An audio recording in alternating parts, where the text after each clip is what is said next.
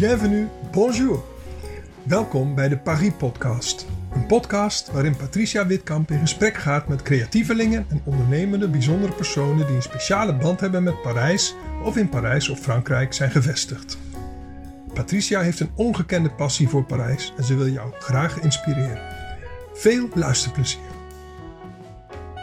Vandaag in de Pers Podcast is Brigitte Spiegeler mijn gasten. Brigitte, bienvenue, welkom.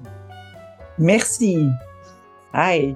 Ja, Brigitte, we zagen elkaar uh, afgelopen zaterdag bij een ontzettende leuke netwerkbijeenkomst uh, tijdens de Dutch Design Week in het restaurant van Piet Hein Eek, georganiseerd door het Atelier Nederlandais, waar jij ook lid uh, bent, bestuurslid zelfs. Ja. Um, maar voordat wij ons gesprek starten, wil ik jou graag introduceren bij de luisteraars.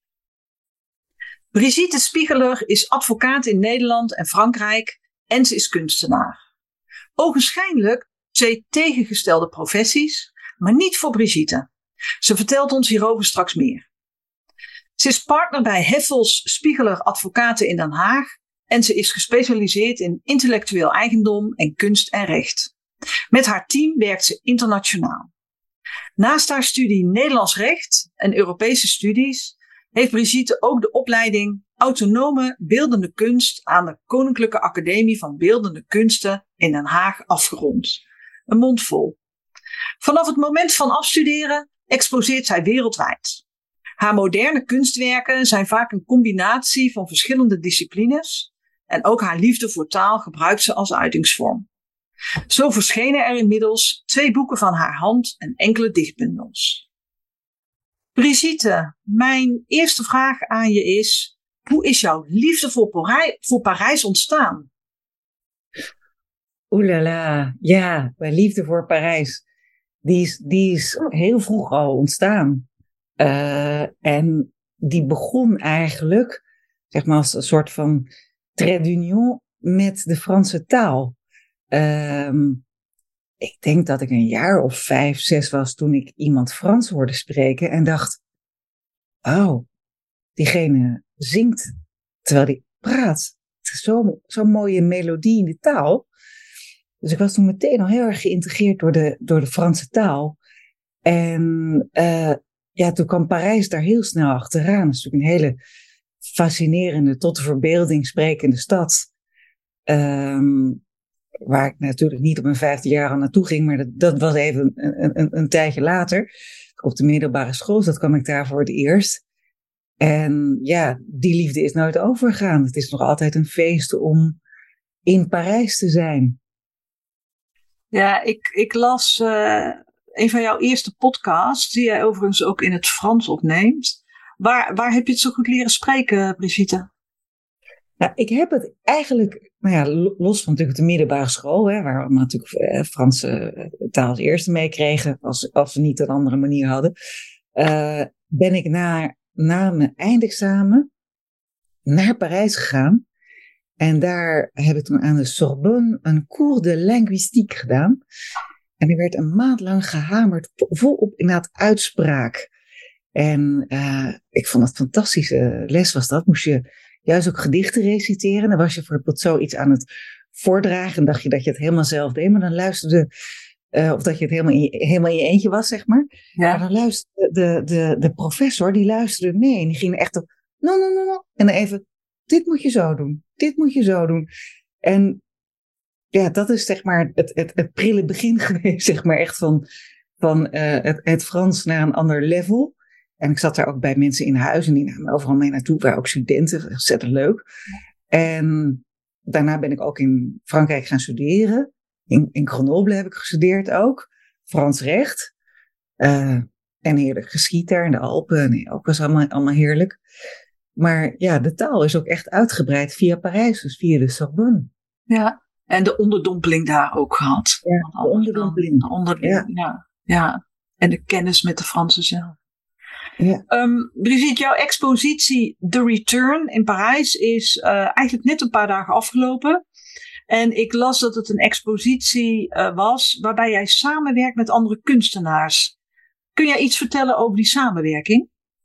Ja, ja, graag. Ja, dit was een tentoonstelling waarbij ik uh, nou, samen heb gewerkt met Sina Dijks. Zij maakt ja, prachtige wandkleden. Hè, wand, ja, wandtapijt kan je bijna ook zeggen.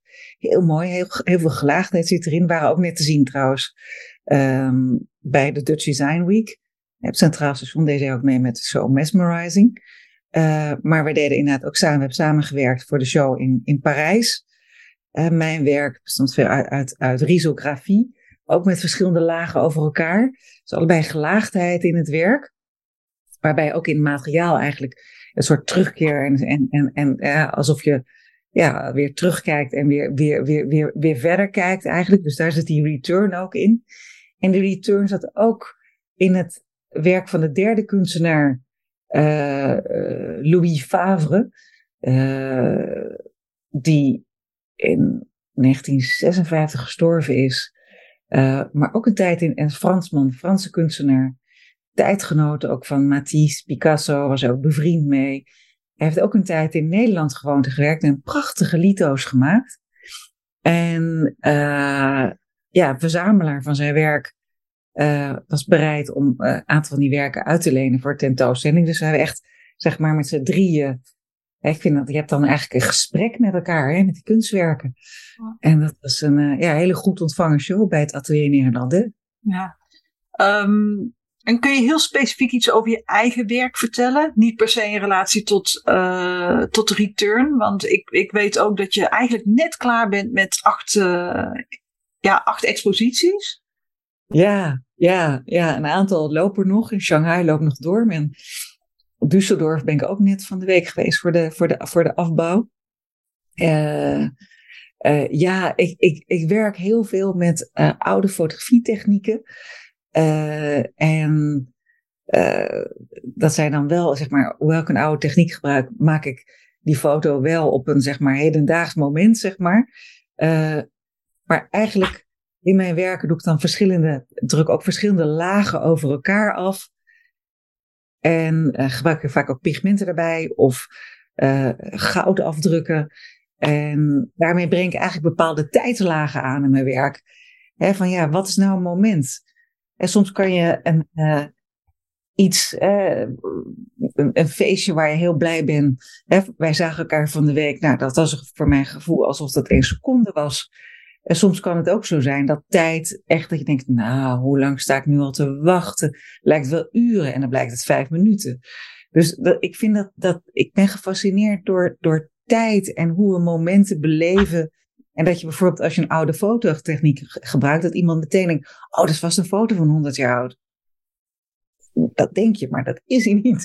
Dus daar ook mee, mee spelen met, met de gelaagdheid van tijd en onze perceptie en onze verwondering daarin ook als kijker.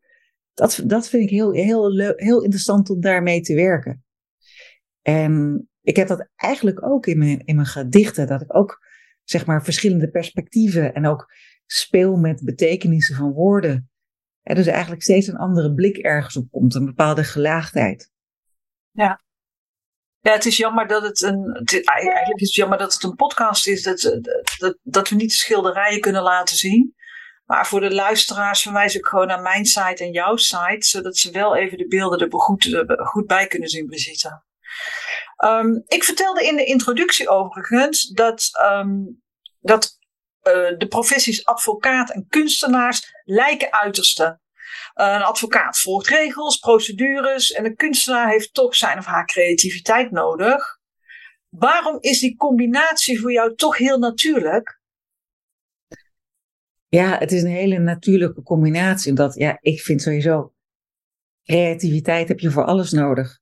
Als je als advocaat niet creatief bent, is er ook echt, oeh, dat zou, ja, dat, daar, zou, daar zouden de mensen die, die, die je adviseert en die je bijstaat niet blij van worden. Dat je, ja, je moet vaak gewoon toch hele goede creatieve oplossingen bedenken. Uh, en die kunnen, die kunnen ook buiten het strikt juridische veld liggen. Uh, los daarvan denk ik ook van ja, ook, en ook als kunstenaar daarentegen, is het ook handig als je, uh, als je op een bepaalde manier wel gestructureerd en georganiseerd bent. Bijvoorbeeld, hè, je noemde net al van je net, net acht tentoonstelling gehad. Ja, als ik, daar, als ik daar niet een planning bij maak, En ook, ook als advocaat werk ook met een team, maar ook als kunstenaar heb ik ook mijn assistenten. Als niet samen bekijken hoe, wat, wat, waar, ja, dan ben je gewoon lost in space, zeg maar. Dus dat, dat, dan, dan, dan, dan, dan, dan gaat dat ook niet werken. en daarbij heb ik ook zoiets van, ja, als advocaat, je hebt je wetboeken, je jurisprudentie, en dat is eigenlijk je kader. En als kunstenaar, uh, ja, werk je met uh, alle, uh, ja, ook gewoon alle materialen, zeg maar. Is je, zijn, zijn je tools, zijn, is je gereedschap waarmee je werkt. Um, dus dat is toch, dat schept ook een bepaald kader. Ja, nou duidelijk, duidelijk uitleg. Um, je bent gespecialiseerd in kunst en recht. Kun je daar concreet iets meer over vertellen? Herkennen kunstenaars zich in jou of andersom? Ja, nou, ik heb inderdaad wel, hè, doe veel inderdaad in de praktijk, zowel in uh, kantoor in Parijs als in kantoor in Nederland, veel met intellectuele eigendom, kunst en recht. En kunst en recht zit ook heel veel met auteursrecht in. En nou, auteurs, dat zijn natuurlijk de kunstenaars. Dus die hebben dan sowieso al inderdaad, eh, daar, is al, daar is al een link. En ik merk ook, hè, qua type zaken, dat ook bijvoorbeeld verzamelaars, eigenaars van bijzondere werken, die bijvoorbeeld een werk een bepaald manier geauthentificeerd willen hebben, dat die ook zeggen, ja, jij bent kunstenaar, dus jij begrijpt dat, dat het hier over een Van Gogh gaat. Of uh, jij, uh, uh, daar, wordt, ja, er wordt meteen een soort bekendheid verondersteld. Uh, die, ja, dat vind ik ook hartstikke leuk natuurlijk. En, ik, en, en daar kan ik ook lekker mee sparren. Dus dat, ja, ja. Dat, dat, werkt, dat werkt goed. Ja. ja. heel fijn. Heel fijn om te horen.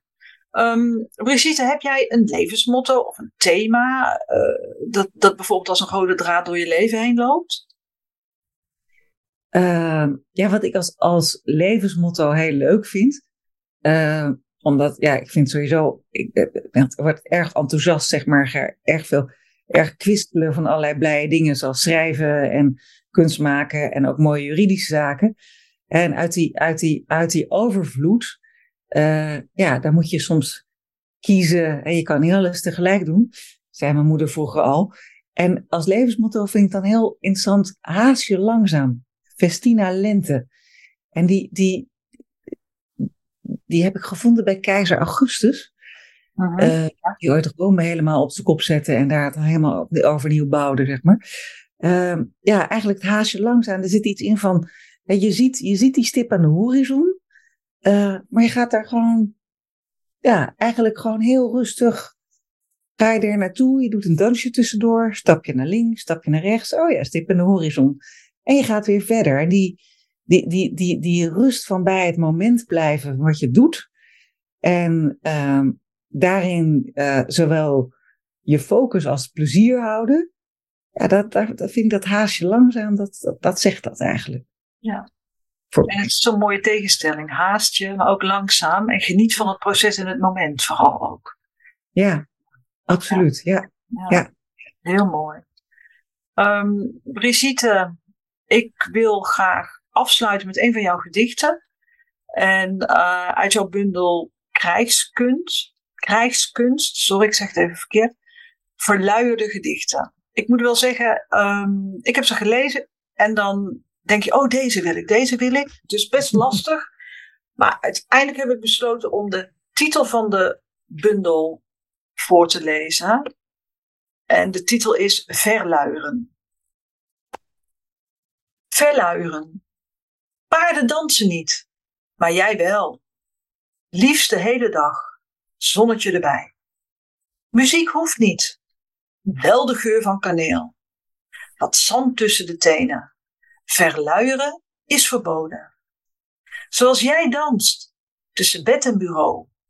Canapé, schimmel. Brigitte, ik wil jou heel erg hartelijk danken voor dit gesprek voor je tijd ook vooral. En uh, ja, we zeiden al, hè, we, we, hebben elkaar ontmoet afgelopen zaterdag. Maar uh, ik weet zeker dat wij wel in contact zullen blijven. Grand merci Brigitte. Zeker, nou, grand merci à toi. Heel graag gedaan. Ontzettend leuk deze podcast. En uh, nou, ik spreek je gauw binnenkort verder. A bientôt. A bientôt.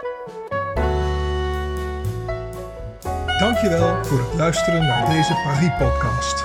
A biento!